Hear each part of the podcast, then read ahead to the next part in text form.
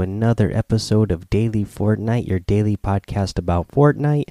I'm your host, Mikey, aka Mike Daddy, aka Magnificent Mikey. Okay, so we had the Fortnite World Cup Online Open Qualifiers Week 8 for duos. Uh, today was the finals, so uh, again, a lot of really good gameplay, uh, really good casting uh, so let's go ahead and congratulate uh, the the qualifiers from Europe. We have uh, 11 item and Derek's. We have Oslo and Not Bad Sniper. We have BTL4ZR and No Ward. We have Eon Red Rush and Eon Snappy. Uh, from the NA West, we got Ghost Sean and Ghost Aydan.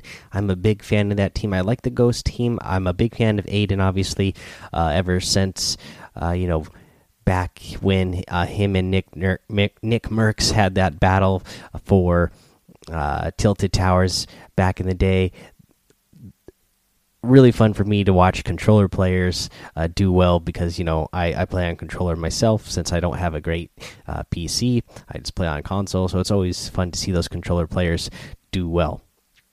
From NA East, we have Road uh, DW, E11 Blue T, Bolt uh, Tetra, and Bolt uh, Eclipse, and uh, Ronaldo and Ziff. Now, that last one, I don't know if you recognize the names, Ronaldo and Ziff. They were the players that were uh, caught cheating. They were suspended for two weeks. Uh, I believe I said this at the time that it felt weird that there was a chance that players who were caught cheating could qualify uh, in this year's World Cup. I felt like you know, everybody should have a chance to redeem themselves, but not this fast. And I definitely still feel that way. Uh, to see Ronaldo and Ziff's name on there, uh, you know, in such short term from when they were caught cheating, yeah, it doesn't feel right. I feel like yeah, the the the punishment should have been, you know, at the very least, you know, they were suspended for World Cup in general uh, just couldn't compete in World Cup anymore. And then if you want to let them compete in any other tournaments that they plan on having after that in 2019, okay. Uh, but at the very least, it should have been uh, suspended for World Cup, in my opinion. Now, if it were me, I would have suspended them for from just competition period for the rest of 2019 all in all and then they when you know the calendar year comes up in 2020 they'd be allowed uh, yeah it just feels really weird it doesn't feel good i don't think it looks good for the game uh, it doesn't look good for the competitive integrity of Fortnite uh, to see their names up there on the list. I mean, these were players who, you know, were good enough in the first place. Uh, you know, uh, you know, to qualify without cheating, but they went ahead and cheated anyways.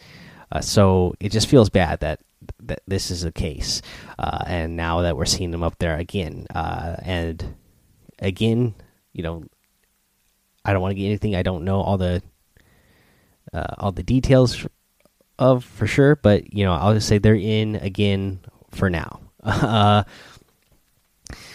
we'll see what happens uh, going forward. Again, it just doesn't doesn't feel right. Not not not a fan of that one. Uh, let's see here.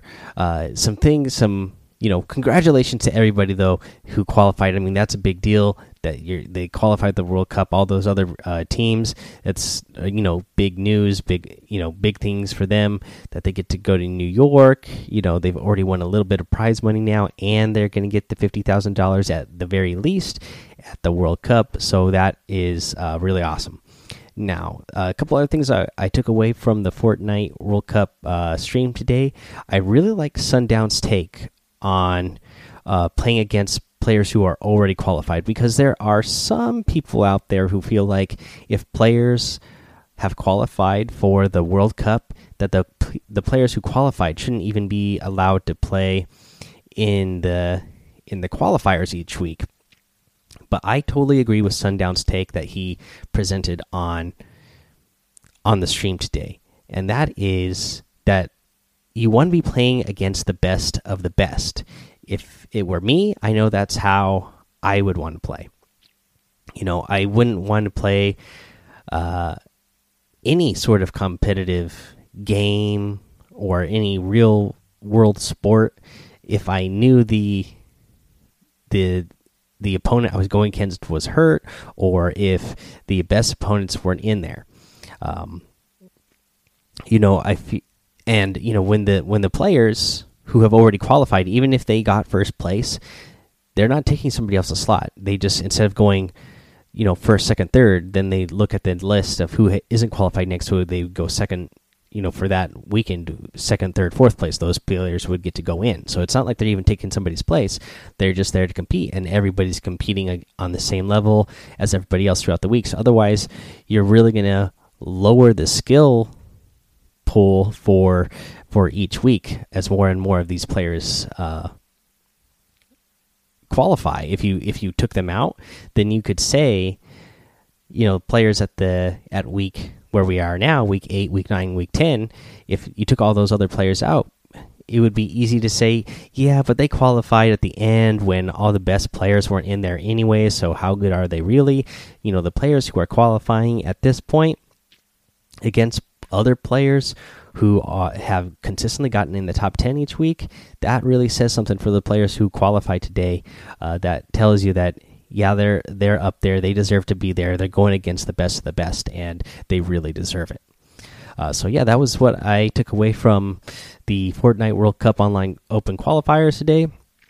Again, really great time uh, watching the Fortnite stream today. I feel like the Fortnite stream uh, they were, you know, they had some they had some pretty good uh, quality comedy on there. So uh, very entertaining to watch. Uh, we had the Oh, well, let's. I mean, let's get into our week four challenge tip. So, uh, tip for this week or for today's episode, I want to go over getting eliminations in Haunted Hills or Dusty Divot. Uh, you need to get uh, three eliminations total. Uh, for me, I wouldn't even bother going over to Haunted Hills because not enough people go there. Uh, even with this challenge, more most people are going to Dusty Divot. Uh, if you go over to Dusty Divot, I would suggest you land up top at the Dusty Diner. Uh, if you land there, you know you have you have the high ground over anybody who goes into the divot, and uh, most of the time, you know you'll get a lot of people that actually land down inside of the divot if you land on if you see a good weapon on top of the roof sometimes you might be able to grab a you know a good AR on the top of the roof of the diner. And when those pliers are still gliding down into the middle of the dusty in the actual divot uh, you might be able to pick up some eliminations of the players floating down there uh, while they're you know not able to fire back and haven't picked up a weapon yet.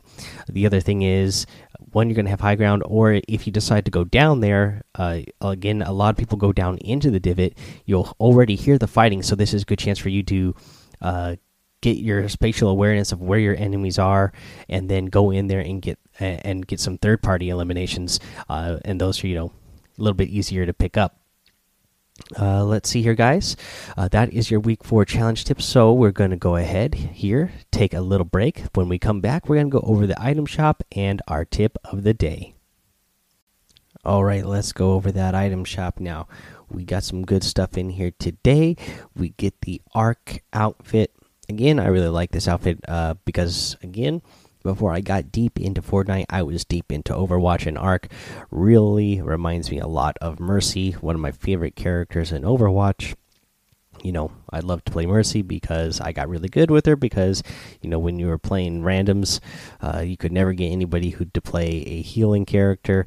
Uh, so I would always, I would always be the one to go ahead and do it. Uh, let's see here. We got the Divine Wrap. Uh, you know, this wrap's really cool looking. We got the Virtue Harvesting Tool. We also get the Malcore outfit. Really cool looking guy. Love this one. You got the Evil Eye Harvesting Tool. Very creepy. You got the Demon Skull Harvesting Tool. You got the Libre Glider. You got the Jungle Scout outfit. The Spark Plug outfit. I love the Spark Plug outfit. Uh, let's see here. You get the Dream Feet emote and the lock it up emote. This is a new emote. Like the little music, love the little uh, dance there.